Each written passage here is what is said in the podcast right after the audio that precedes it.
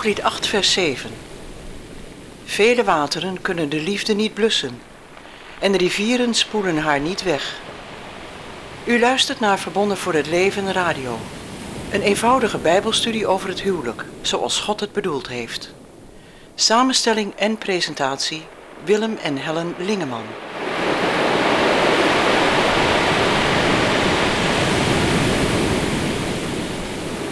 Welkom. In deze aflevering willen we onderzoeken. Wat de Bijbel zegt over echtscheiding. We zeiden het al eerder.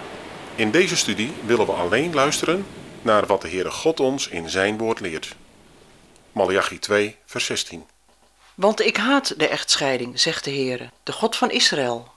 En dat men zijn gewaad met geweldpleging overdekt, zegt de Heere der Heerscharen. Daarom, weest op uw hoede voor uw hartstocht en weest niet ontrouw. De meeste vertalingen zeggen hier dat de Heere de echtscheiding haat.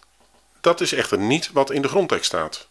De grondtekst zegt wegzenden of zend weg. Kennelijk waren er in het oude Israël ook problemen rond huwelijk en echtscheiding. Deuteronomium 24 vers 1. We lezen deze tekst uit de Narense Bijbelvertaling. Het volgende kan zich voordoen. Iemand heeft een vrouw getrouwd. Maar om de een of andere reden is hij ontevreden over haar. Hij schrijft een scheidingsbrief die hij bij haar vertrek aan haar meegeeft. De reden van de scheidbrief was dat er mannen waren die ontevreden over een vrouw waren of iets onbehoorlijks aan haar hadden opgemerkt. Uit de Bijbel weten we niet wat dat was. De rechtzinnige school van Shammai was van mening dat het om onkuisheid ging. Daarentegen meende de vrijzinnige school van Hillel dat alles wat de man niet goed vond onder de regeling omdat er iets onbehoorlijks aan haar gevonden werd, viel. Zo vond Hillel bijvoorbeeld dat als de vrouw het eten had laten aanbranden, dit onder de bewuste regeling viel en de man zijn vrouw met een scheidbrief mocht wegsturen. In het Nieuwe Testament duikt de scheidbrief weer op. De Fariseeën confronteren de Heer Jezus hiermee. Matthäus 19, vers 7 en 8. Zij zeiden tot hem: Waarom heeft Mozes dan geboden een scheidbrief te geven en haar te verstoten? Hij zei tot hen: Mozes heeft om de hardheid van uw harten u toegestaan uw vrouwen te verstoten. Maar van het begin af is het echter niet zo geweest. De Heer Jezus kende de leerverschillen tussen de scholen van Hillel en Shammai.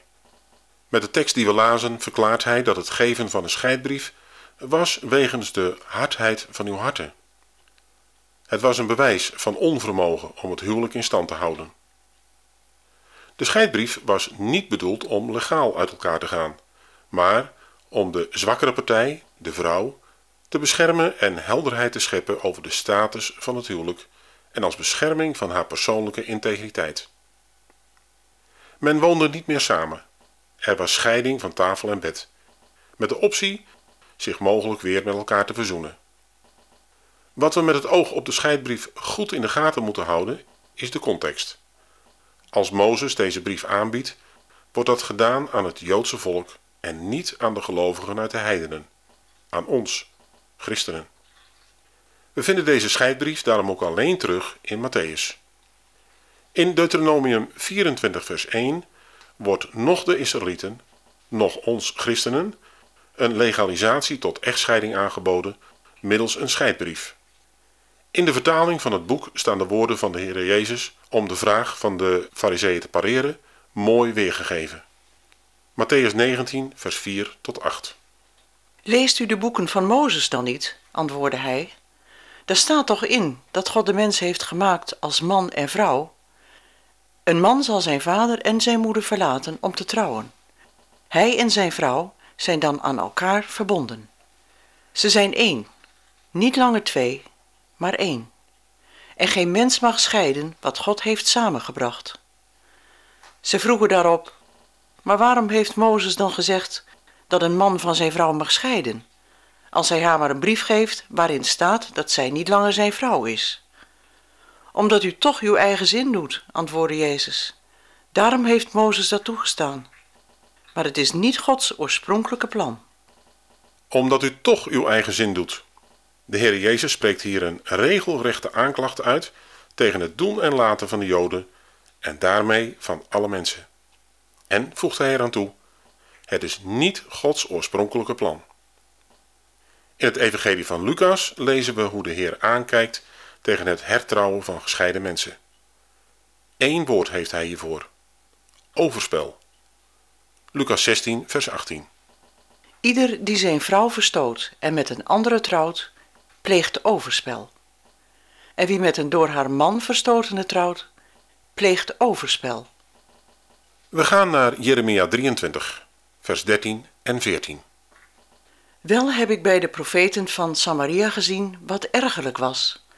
Zij profeteerden door de Baal en misleiden mijn volk Israël. Maar bij de profeten van Jeruzalem heb ik gezien wat afschuwelijk is: echt breken en met leugen omgaan. Zij sterken de handen der boosdoeners, dat niet één zich van zijn boosheid bekeert. Ze zijn mij al tezamen als Sodom geworden, zijn inwoners als Gomorra. De Heere God zegt hier in vers 13 tegen Jeremia dat hij gezien heeft dat de profeten profeteerden door de Baal, door Satan zelf. God vond dit ergelijk. Dan vers 14. De Heere God heeft ook gezien hoe de profeten met echtbreken, overspel zegt de grondtekst, en leugen omgaan. En hij vindt dit afschuwelijk. Hoort u het verschil? God ergerde zich aan het contact met Baal, maar vond de praktijken rondom overspel en het omgaan met leugen afschuwelijk. Jeremia 23, versen 30 tot 32. Daarom zie, ik zal de profeten, luidt het woord des Heren, die mijn woorden van elkander stelen. Zie, ik zal de profeten, luidt het woord des Heren, die hun tong gebruiken en godspraken verkondigen. Zie, ik zal de profeteerders van leugenachtige dromen, luidt het woord des Heren, die zij vertellen om mijn volk te misleiden, door hun leugens en woordenkramerij. Ik heb hen niet gezonden en hun geen opdracht gegeven. Ze zijn dit volk niet van het minste nut, luidt het woord des Heren. Overspel en leugen gaan niet alleen in de tekst van Jeremia hand in hand. Deze twee zijn altijd onafscheidelijk. Lezen we Spreuken 30, vers 20. Zo is de weg der overspelige vrouw. Ze eet, veegt haar mond af en zegt: Ik heb geen kwaad gedaan. Leugen en overspel zijn niet van God. Beide zijn een gruwel in zijn oog. De overtreffende trap van verschrikkelijk. In het oude Israël laat hij, de Almachtige, op niet mis te verstaande wijze van zich horen als hij Jeremia laat spreken. Jeremia 29, vers 20 en 23. Hoort gij dan naar het woord des Heren, o alle ballingen die ik uit Jeruzalem naar Babel weggezonden heb, omdat zij een schandelijke dwaasheid in Israël hebben begaan, overspel hebben gepleegd met de vrouwen van hun naasten, en in mijn naam een woord hebben gesproken, dat een leugen was, dat ik hun niet had opgedragen. Ja, ik weet het wel, en ben er getuige van, luidt het woord des Heren. De Statenvertaling zegt het zo. Omdat zij een dwaasheid deden in Israël, en overspel bedreven met de vrouwen hunne naasten, en spraken het woord valselijk in mijn naam, dat ik hun niet geboden had. En ik ben degene die het weet, en een getuige daarvan, spreekt de Heere. Valselijk, zegt de Statenvertaling. Een versterking van wat de NBG-vertaling een leugen noemt. In onze Nederlandse taal kennen we het woord valselijk altijd in ongunstige zin. Valselijk is per definitie oneerlijk en erop gericht iemand anders opzettelijk leed toe te brengen. En dat kan door stelen of door te bedriegen.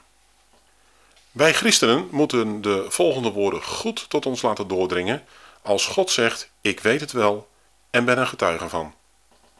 Het woord martus, dat de grondtekst gebruikt voor getuige, kent meerdere betekenissen. God is getuige in Juridische zin, historische zin, ethische zin en in de zin van toeschouwer. Kortom, God is hier getuige van overspel en leugen in ieder facet. Op welke wijze hij er ook naar kijkt, God doorgrondt deze met name genoemde zonden vanuit elk te bedenken gezichtspunt.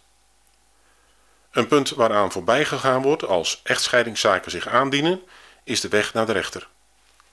Paulus zegt erover in 1 Corinthians 6: Durft iemand van u, als hij een zaak heeft tegen de ander, recht te zoeken bij de onrechtvaardigen en niet bij de heiligen? Als u dan rechtszaken hebt over de dingen van dit leven, stel dan daarover hen die in de gemeente niet geacht zijn. Ik zeg het tot uw beschaming. Is er dan onder u niet een wijze, ook niet één, die uitspraak zal kunnen doen tussen zijn broeders? Maar een broeder voert met een broeder een rechtsgeding, en dat bij ongelovigen. Reeds in het algemeen nu is het een gebrek bij u, dat u rechtszaken met elkaar hebt. Waarom leidt u niet liever onrecht? Waarom laat u zich niet liever tekort doen? Maar u doet onrecht en doet tekort en dat aan broeders. Laat de Bijbel spreken. Laat de Heilige God spreken.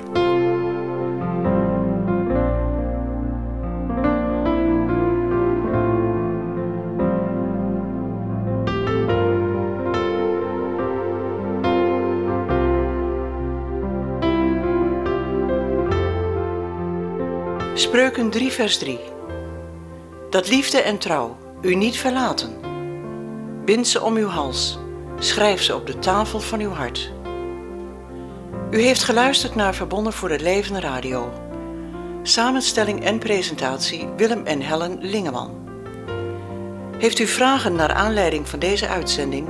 Dan kunt u contact opnemen via het reactieformulier op onze website www.verbondenvoorhetleven.nl of www.unitedforlife.eu. Zo de Heere wil graag tot de volgende keer.